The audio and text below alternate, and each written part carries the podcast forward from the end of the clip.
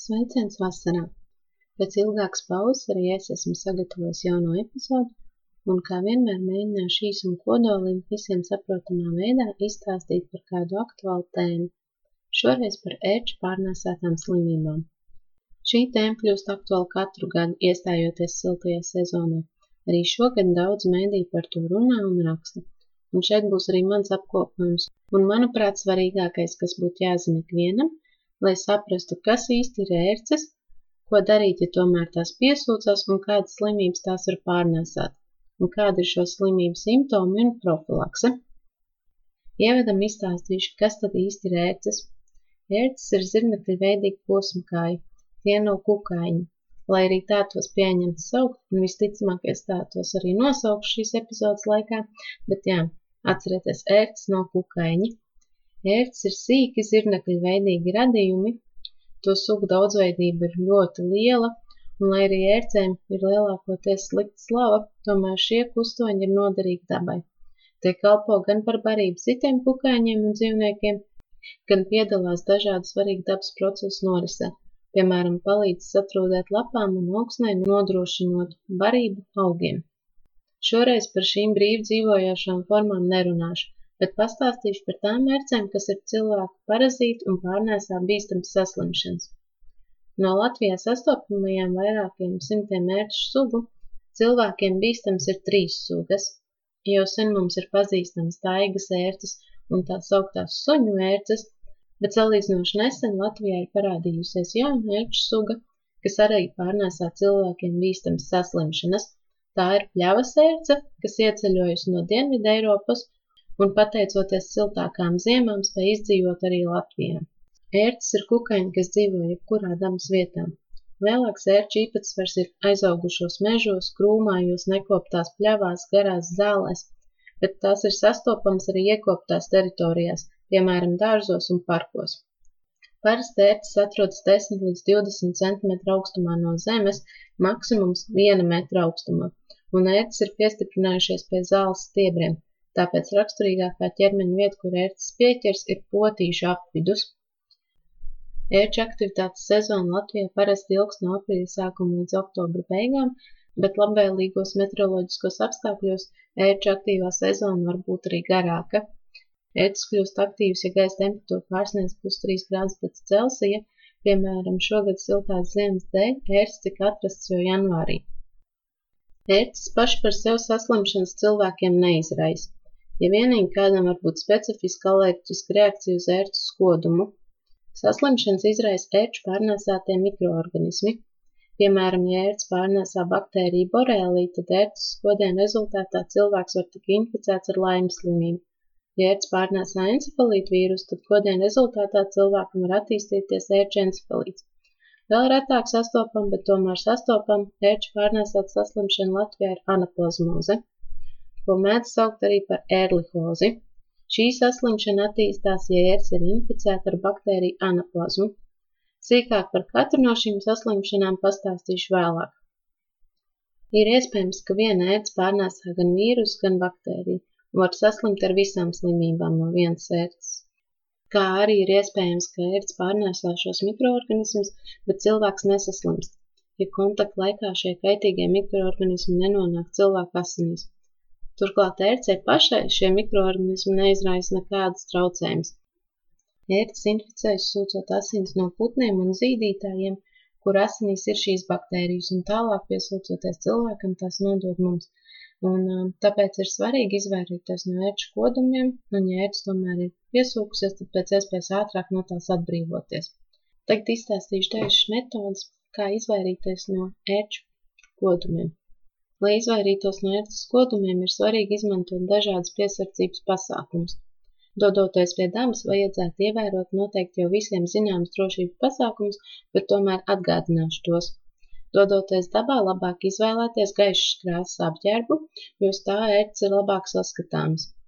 Īpaši vērību jāpievērš izvēloties apavus, jo tā kā ērts dzīvo aptuveni 10 līdz 20 cm virs zemes, tad apavu zona ir tieši tā, kur ērces visbiežāk pieķers nojūt tai garām.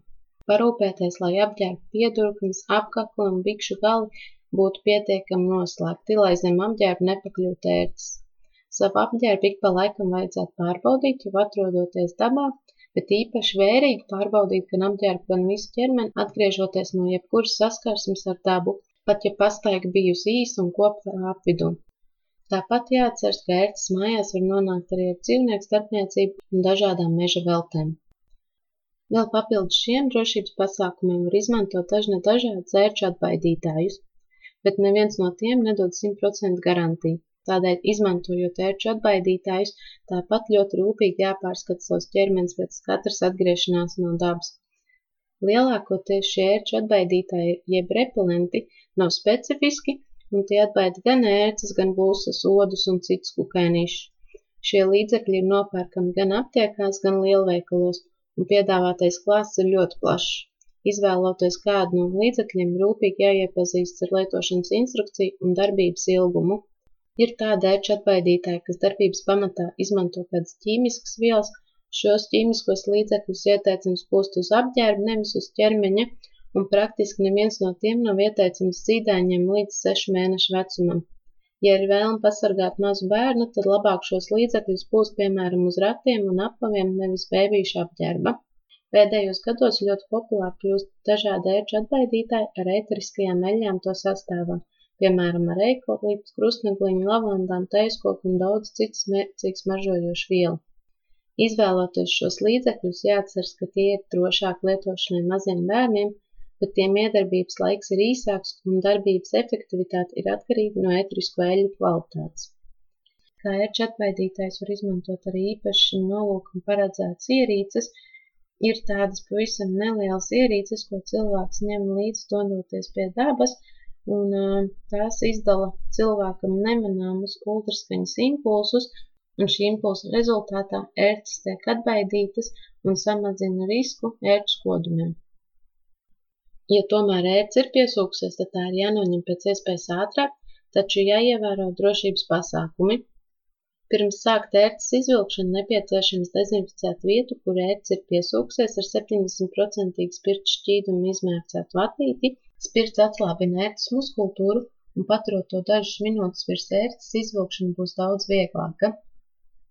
Ja nav pieejams spirta šķīdums, tad labāk virsū nelikt neko. Nekādā gadījumā ērcei virsū nedrīkst liet eļļu vai sviestu. Tas ir ļoti sens mīts par ērces izvilkšanas atvieglošanu, bet patiesībā taupvielās ērces smog un tas izraisa vemšanu. Ērces brūcē atvem zarnu saturu un palielina risku mikroorganismiem nokļūt asinīs un inficēt ar kādu no šīm bīstamajām saslimšanām. Tātad dažas minūtes pēc ērces koduma vietas dezinfekcijas var ķerties klāt ērces izraušanai. Visērtāk šo darbu veikt izmantojot pinceti. Var izmantot gan parasto kosmētisko pinceti, gan aptiekamā nopērkams speciāls pincets ērču izraušanai. Tātad ar pinceti jāsatver kukains pēc iespējas tuvāk kādai, cenšoties to nesaspiest un lēni ar vienmērīgu kustību jāvelk ārā. Ja pincets nav pieejamas, var izmantot arī diegu. To apsiena pērts noķīti pēc iespējas tuvāk kādai un valkotais galiem izņem ērci. Ja nekas no palīga līdzekļiem nav pieejams, protams, ērci var izraut arī ar pirkstiem, bet šis ir visriskantākais variants, jo bieži ērci ir par mazu, lai to ērts atvertu, kā arī tā tiek saspiesta, veicinot mikroorganismu nonākšanu brūcē. Un, ja uz rokām ir mikrotraumas, tad slimību izraisošie mikroorganismi var iekļūt brūcēs. Raujot ērci ar pirkstiem nepieciešami cimdi, Pēc ērces noņemšanas tās piesūkšanos vieta atkal jāapstrādā ar spirtu, un pašu ērci pēc izraušanas jāievieto spirtā slēgtā konteinerī, maisiņā vai burciņā, vai jānoskalo tolets podā. Nekādā gadījumā ērci nevajadzētu saspiest vai vienkārši nomest vai izmest atkritumos. Un pēc uh, ērces izraušanas, protams, obligāti rokas jānomazgā ar ziepēm. Ja tomēr ērces noķītis ir palicis ādā, var mēģināt to izņemt pašspēkiem vai arī doties pie mediķiem. Vakcinēts cilvēks teorētiski par ādā palikušo ērces daļu var daudz neuztrakties un nelikties neziņas, tas tāpat kā ar skabargu, jo pēc pāris dienām organisms pats šo svešķermeņu izstums laukā. Iekais un vietā rodas strūtas, kas kukaiņu daļu izgrūž ārā. Ja negrib gaidīt vairākas dienas, tad ādā palikušo ērces galvu un snuķīti var izķeksēt ar sterilizētu adatu. Ļoti bieži diskutēts jautājums ir, ko darīt ar izrauto ērci, vai to nepieciešams nodot laboratoriskai pārbaudē. Vienots atbildes uz šo jautājumu nebūs, un es teiktu, ka katram pašam ir jāizvērtē, vai analīzēs iegūtā informācija būs nozīmīga, tomēr man gribētos teikt, ka šīm laboratoriskajām pārbaudēm īsts jēgas nav. Pirmkārt, ērces laboratorijā ir jānogādā dzīve, kas nevienmēr ir iespējams, otrkārt, ērci var pārbaudīt tikai uz vienu no slimību izraisošajiem mikroorganismiem, jo ērce ir pārāk maza, lai pietiktu analīžu materiāls gan encefalītu vīrusam, gan lemborelēs baktērijai. Kā arī saņemot pozitīvus analīžu rezultātus uz ērču encefalītu vai laimes slimību, nav nekādas profilaktiskas darbības, lai sev pasargātu no šīm saslimšanām. Neatkarīgi no tā, vai ērts ir nodota analīzēm vai nav, un neatkarīgi no tā, vai analīzēs ir pozitīvs vai negatīvs, katram ir jāvēro savu pašsajūtu un ādu aptuveni mēneša garumā. Ja nu gadījumā parādās ērts enspalīta vai laimes slimības simptomi, par kuriem stāstīšu vēlāk, ir nepieciešams nekavējoties sazināties ar savu ģimenes ārstu. Un tā, par pašām ērcēm un kā sev no tām pasargāt un kā no tām atbrīvoties es būšu izstāstījusi, Tagad gribētu ķerties klāt pie saslimšanām. Pirmā saslimšana, par kuru stāstīšu, būs ērču encefalīts. Ērču encefalīts ir akūta saslimšana, kas skar centrālo nervu sistēmu jeb smadzenes. Inficēšanās notiek pēc ērces koduma, ja ērts pārnēsā šo slimības izraisošo vīrusu un tas ir iekļuvis asinīs.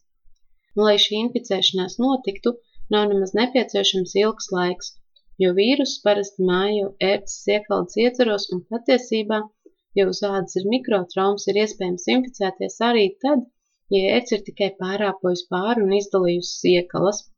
Aptuveni 30% ērču encefalītu pacienti nemaz nav manījuši sev piesūkšos ērci. Inficēties iespējams arī lietojot pārtikā nepasterizētu govs, kazas un aitas pienu. Šie gadījumi gan ir daudz retāk kā inficēšanās no pašām ērcēm. Latvija ir uzskatām par ērčencefalīta endēmisko rajonu Eiropas kontekstā. Pie mums pārbaudot cilvēkiem piesūkšās ērces, aptuveni trešdaļa no tām pārnēsā šo vīrusu, tātad iespējas inficēties pēc ērces koduma ir diezgan lielas.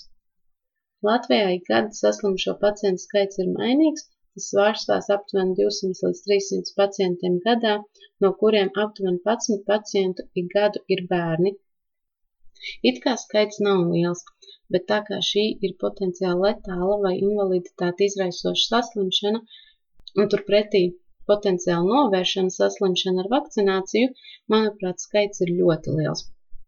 Ērčencefalīta simptomi Klasiski viena līdz trīs nedēļas pēc inficēšanās sāk parādīties pirmie simptomi. Ja inficēšanās notiek caur pienu, tad simptomus sāk novērot daudz agrāk, pat jau trešajā dienā. Pirmie simptomi būs gripai līdzīga saslimšana. Tas būs drūdzis, nespēks, muskuļu locītavu sāpes, kas izpaudīsies 2 līdz 7 dienas. 90% ērču enspalīta slimniekiem šie arī būs vienīgie simptomi, un saslimšana tālāk vairs neattīstīsies.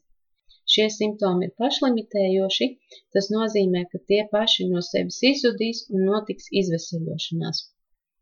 Diemžēl pārējie 10% pacientu pēc aptuveni nedēļu gara miera perioda izjutīs nākamo slimības vilni un sāksies otrā slimības fāze, kurā jau tiks skarta nervu sistēma.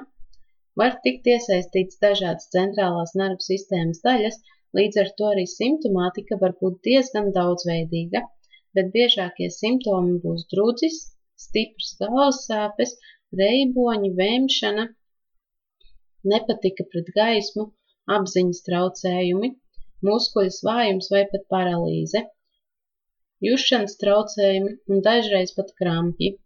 Ērču encefalīta letalitāte, jeb mirstība, svārstās no 1 līdz pat 40%, un tas ir ļoti atkarīgs no slimības formas un pacienta vecuma un veselības stāvokļa. Gan drīz pusē no izdzīvošajiem ērču encefalīta pacientiem ir tādas paliekošas sekas kā depresija, dzirdes traucējumi, mentālo funkciju traucējumi vai parēzes, un lai pie šī briesmīgā simptoma apraksta un bēdīgās statistikas liktu jums vēl vairāk aizdomāties un sargāt sevi no ērcēm, pieminēšu, ka specifiskas pretvīrus terapijas ēršu encefalīta gadījumā nav. Tāpēc ieteicam tikai simptomātisku terapiju, Tas nozīmē, ka tiek lietot medikamenti, lai samazinātu temperatūru, sāpes, dūsku smadzenēs un citus simptomus, bet ērču encefalīta vīruss kā tāds netiek ārstēts. Novērojot ērču encefalīta simptomus, it īpaši, ja ir bijis zināms ērču skodums, tad nekavējoties jāsazinās ar ārstu, lai pēc iespējas ātrāk veiktu izmeklēšanu un uzsāktu ārstēšanu. Tomēr runājot par ērču encefalītu, Ir arī pozitīvās ziņas. Viena no tām, ka pārslimojot ērču encefalītu imunitāte saglabājas visu mūžu, un otra, ka ir iespējams sevi pasargāt no šīs saslimšanas ar vakcinācijas palīdzību. Latvijā ir pieejams divu veidu inaktivēts ērču encefalītu vakcīnas, abas ir piemērotas bērniem no viena gada vecuma. Šīs vakcīnas jāievad pēc noteiktas schēmas, kas paredz atkārtotas devas ievadīšanu pēc mēneša un pēc aptuveni gada, un pēc tam revakcināciju ik pēc 3 līdz 5 gadiem. Bet ir iespējams vakcināciju veikt pēc pātrinātas schēmas, kas ir īpaši piemērot tiem, kas vēlas savakcinēties tagad vasarā. Protams, vislabāk ir savakcinēties ērču neaktīvajā periodā, jo tad uz ērču jauno sezonu imunitāte jau būs pilnīgi attīstījusies, tomēr, ja tas nav izdarīts, tad droši var vakcinēties arī pavasarī un vasarā. Uzskats par to, ka vakcinācija pret tērču encefalītu iespējama tikai ziemā, ir maldīgs mīts, kas saglabājies vēl no padomu laikiem. Tolaik vakcinācijā izmantoja dzīvu novājinātu tērču encefalītu vīrusu, un tas radīja papildus risku saslimšanai, ja īsti pēc vakcinācijas cilvēkam piesūcās inficēta ērce. Mūsdienās ērču encefalītu vakcīna satur nedzīvas ērču encefalītu daļiņas, kas slimību izraisīt nevar. Atgādināšu, ka bērniem līdz 18 gadu vecumam ir iespēja saņemt bezmaksas ērču encefalītu vakcināciju, ja tie ir deklarēti endēmiskajos rajonos, kā arī bērniem līdz 2 gadu vecumam ir pieejama 50% atlaida vakcinācijai.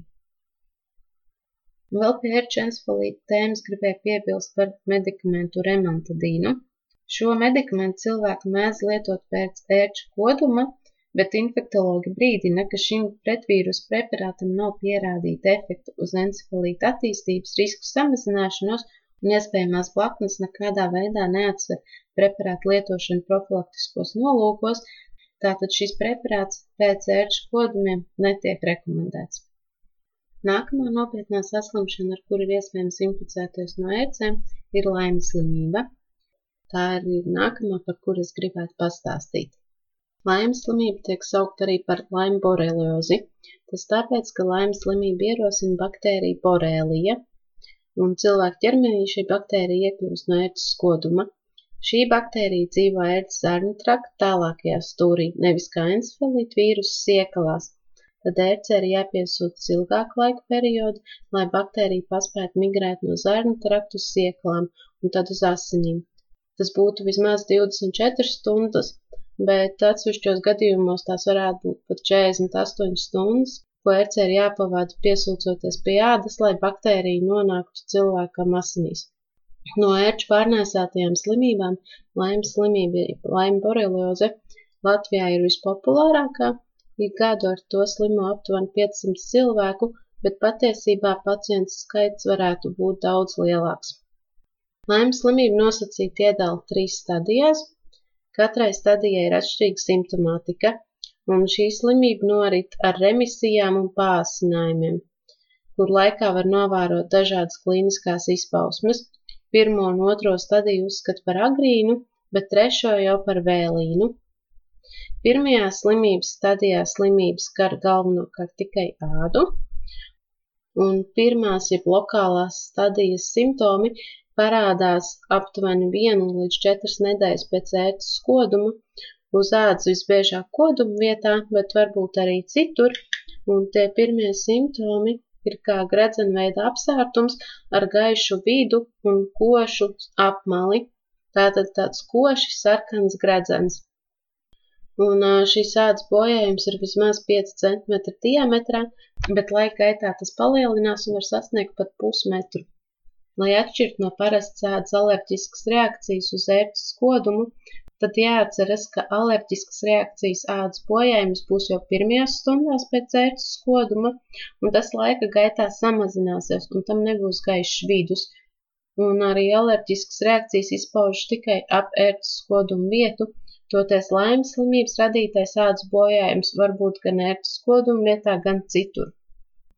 Vēl pirmajā slimības stadijā papildus ādas bojājumam novēro arī drūdzi, nespēku, sāpes locītavās un galvas sāpes. Un, ja netiek saņemta ārstēšana, tad šie simptomi spontāni izzūd aptuveni mēnešu laikā. Un pēc laika lielākajai daļai pacientu baktērija izplatās pa organismu uz dažādiem orgāniem un parādās otrās stadijas simptomātika. Otrā slimības stadija attīstās dažas dienas līdz pat dažus mēnešus pēc pirmās stadijas. Šeit iespējamā simptomātika ir ļoti dažāda, jo var tikt skart dažādi orgāni. Laimborelēzes mērķa orgāni ir nervu sistēma un smadzenes, locītavas, āda, sirds un citi orgāni. Arī otrajā slimības stadijā var novērot tādus nespecifiskus simptomus kā nogurums, paaugstināta temperatūra, galvas sāpes. Šie simptomi var būt visu laiku, bet visbiežāk tie periodiski uznāk, pāriet un atkal parādās. Piemēram, ja tiek skarta nervu sistēma, simptomi var būt sākot no viena nervu bojājuma līdz pat meningoencefalītam, kam simptomātika būs līdzīga kā pie erģencefalīta vīrusu infekcijas. Vēl ļoti bieži pie laimes slimības otrās stadijas tiek skartas locītavas. Pacienti novēro sāpes un pietūkumu locītavās, bieži sāpes ir ceļu, potīšu, elpoņu locītavās, bet varbūt arī migrējošas sāpes ik pa laikam mainot skarto locītavu. Pārējie orgāni tiek skarti retāk, tāpēc sīkāk neiedziļināšos. Ja netiek uzsākta ārstēšana otrajā stadijā, tā ilgs dažas nedēļas līdz dažus mēnešus un pēc vairākiem mēnešiem vai pat vairākiem gadiem var attīstīties trešā slimības stadija, kas var izpausties ar dažādu orgānu paliekošiem bojājumiem. Piemēram, uz ādas novēro zilganus nejūtīgus vai tieši pretēji pārāk jūtīgus pleķus un āda kļūst ļoti plāna, locītavās novēro hroniskas sāpes, smadzeņu un nervu sistēmas bojājums izpaužas kā atmiņas un miega traucējumi, pat demence un kustību traucējumi, grūtības kontrolēt urināciju un vēl daudz dažādu dzīvi pasliktinoši simptomi. Bet pozitīvais ir tas, ka laimes slimība atšķirībā no erķencefalīta ir salīdzinoši viegli ārstējama ar antibiotikām, un ir svarīgi slimību atpazīt jau pirmajā stadijā un laicīgi uzsākt ārstēšanu, kad ir skarta vēl tikai āda un uz ādas ir šie gredzena veida bojājumi, lai nenotiktu slimības izplatība uz citiem orgāniem. Tādēļ, ja rodas aizdoms par laimes slimību, nepieciešams sazināties ar ģimenes ārstu, lai uzsāktu terapiju. Laimes slimībai nav vakcinācijas, tādēļ vienīgā profilakse, lai šo slimību nedabūtu, ir izvairīties no ērču kodumam ar nespecifiskām metodēm. Pret šo saslimšanu neveidojas imunitāte, Tādēļ ir iespējama atkārtot inficēšanās, nedrīkst zaudēt modrību, pat tad, ja reiz dzīvē laimes slimība jau ir izslimot un izārstēta. Un vēl pēdējās ērču pārnēsātās saslimšanas, par kurām es pavisam īsi gribētu izstāstīt, ir anaplazmoze un ērlikoze. Tātad ērts pārnēsā baktērijas anaplazmas un ērlihijas un uh, izraisa attiecīgas saslimšanas anaplazmozi vai ērlihozi. Erlihozu galvenokārt sastopam Amerikā, bet anaplazmozu Eiropā, un tā skaitā arī Latvijā. Un tā kā abas šīs baktērijas ir no vienas grupas un abām saslimšanām ir praktiski vienāda slimības gaita, tad bieži tās atsevišķi nemaz neizdala un sauc kopēji par ērlihozi. Ik gadu Latvijā ir aptuveni 30 līdz 50 anaplazmozes jeb ērlihozes gadījumi, un uh, simptomātika šī saslimšanai mēdz būt ļoti dažāda no pat pavisam viegliem gadījumiem un bezsimptomu slimības gaitas līdz pat ļoti nopietnai simptomātikai.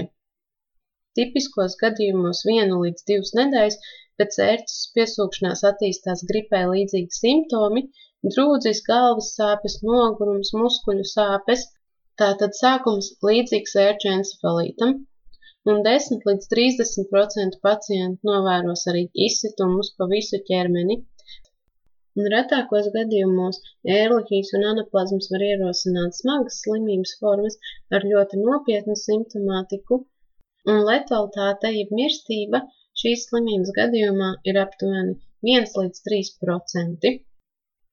Un līdzīgi kā pie laimes slimības, erlihoze ir ārstējama ar antibiotikām, bet, diemžēl, specifisks profilakses, jeb vakcinācijas tai nav. Tādēļ vienīgā profilakse, lai šo slimību nedabūtu, ir izvairīties no ērcēm kā tādām un nepieļaut to piesūkšanos pie ādas. Ceru, ka jūs nesabaidīju un vasaru nepavadīsiet tikai iekštelpās, bet tāpat laikā arī ceru, ka jūs aizdomājāties par ērču pārnēsāto infekciju nopietnību, un tie, kas vēl nav vakcinējušies pret ērču encefalītu, to izdarīs, un dodoties pie dabas, ievērosiet visus pasākumus, lai izvairītos no ērču kodumiem, ja nu ir gadījies atnākt mājās kopā ar ērci, Es ceru, ka jūs zināsiet, kas ir jādara, lai no tās atbrīvotos, un arī sapratīsiet, kādas simptomas novērot, Un ja nu šos simptomus sev novērojat, tad nekavējoties sazināties ar ģimenes ārstu un vienotos par turpmāko rīcību, jo visas šīs ērču pārnēsātās slimības, gan ērčencefalīts, gan laimes slimība, gan anaplazmoze ir grūti prognozējums saslimšanas. Tās var būt ļoti vieglas, un pats pacients varbūt pat var nepamanīt, ka viņš ir slims, bet varbūt arī ļoti, ļoti smagi gadījumi līdz pat letāliem iznākumiem, vai varbūt arī tādas slimības sekas, kas rada invaliditāti, un īpaši bīstams šīs saslimšanas ir bērniem, kas var ietekmēt bērnu fizisko un intelektuālo attīstību. Tādēļ sargājiet sevi un sargājiet savus līdzcilvēkus, kā arī padalieties ar saviem tuvajiem par šo podkāstu un gaidiet nākamo epizodi.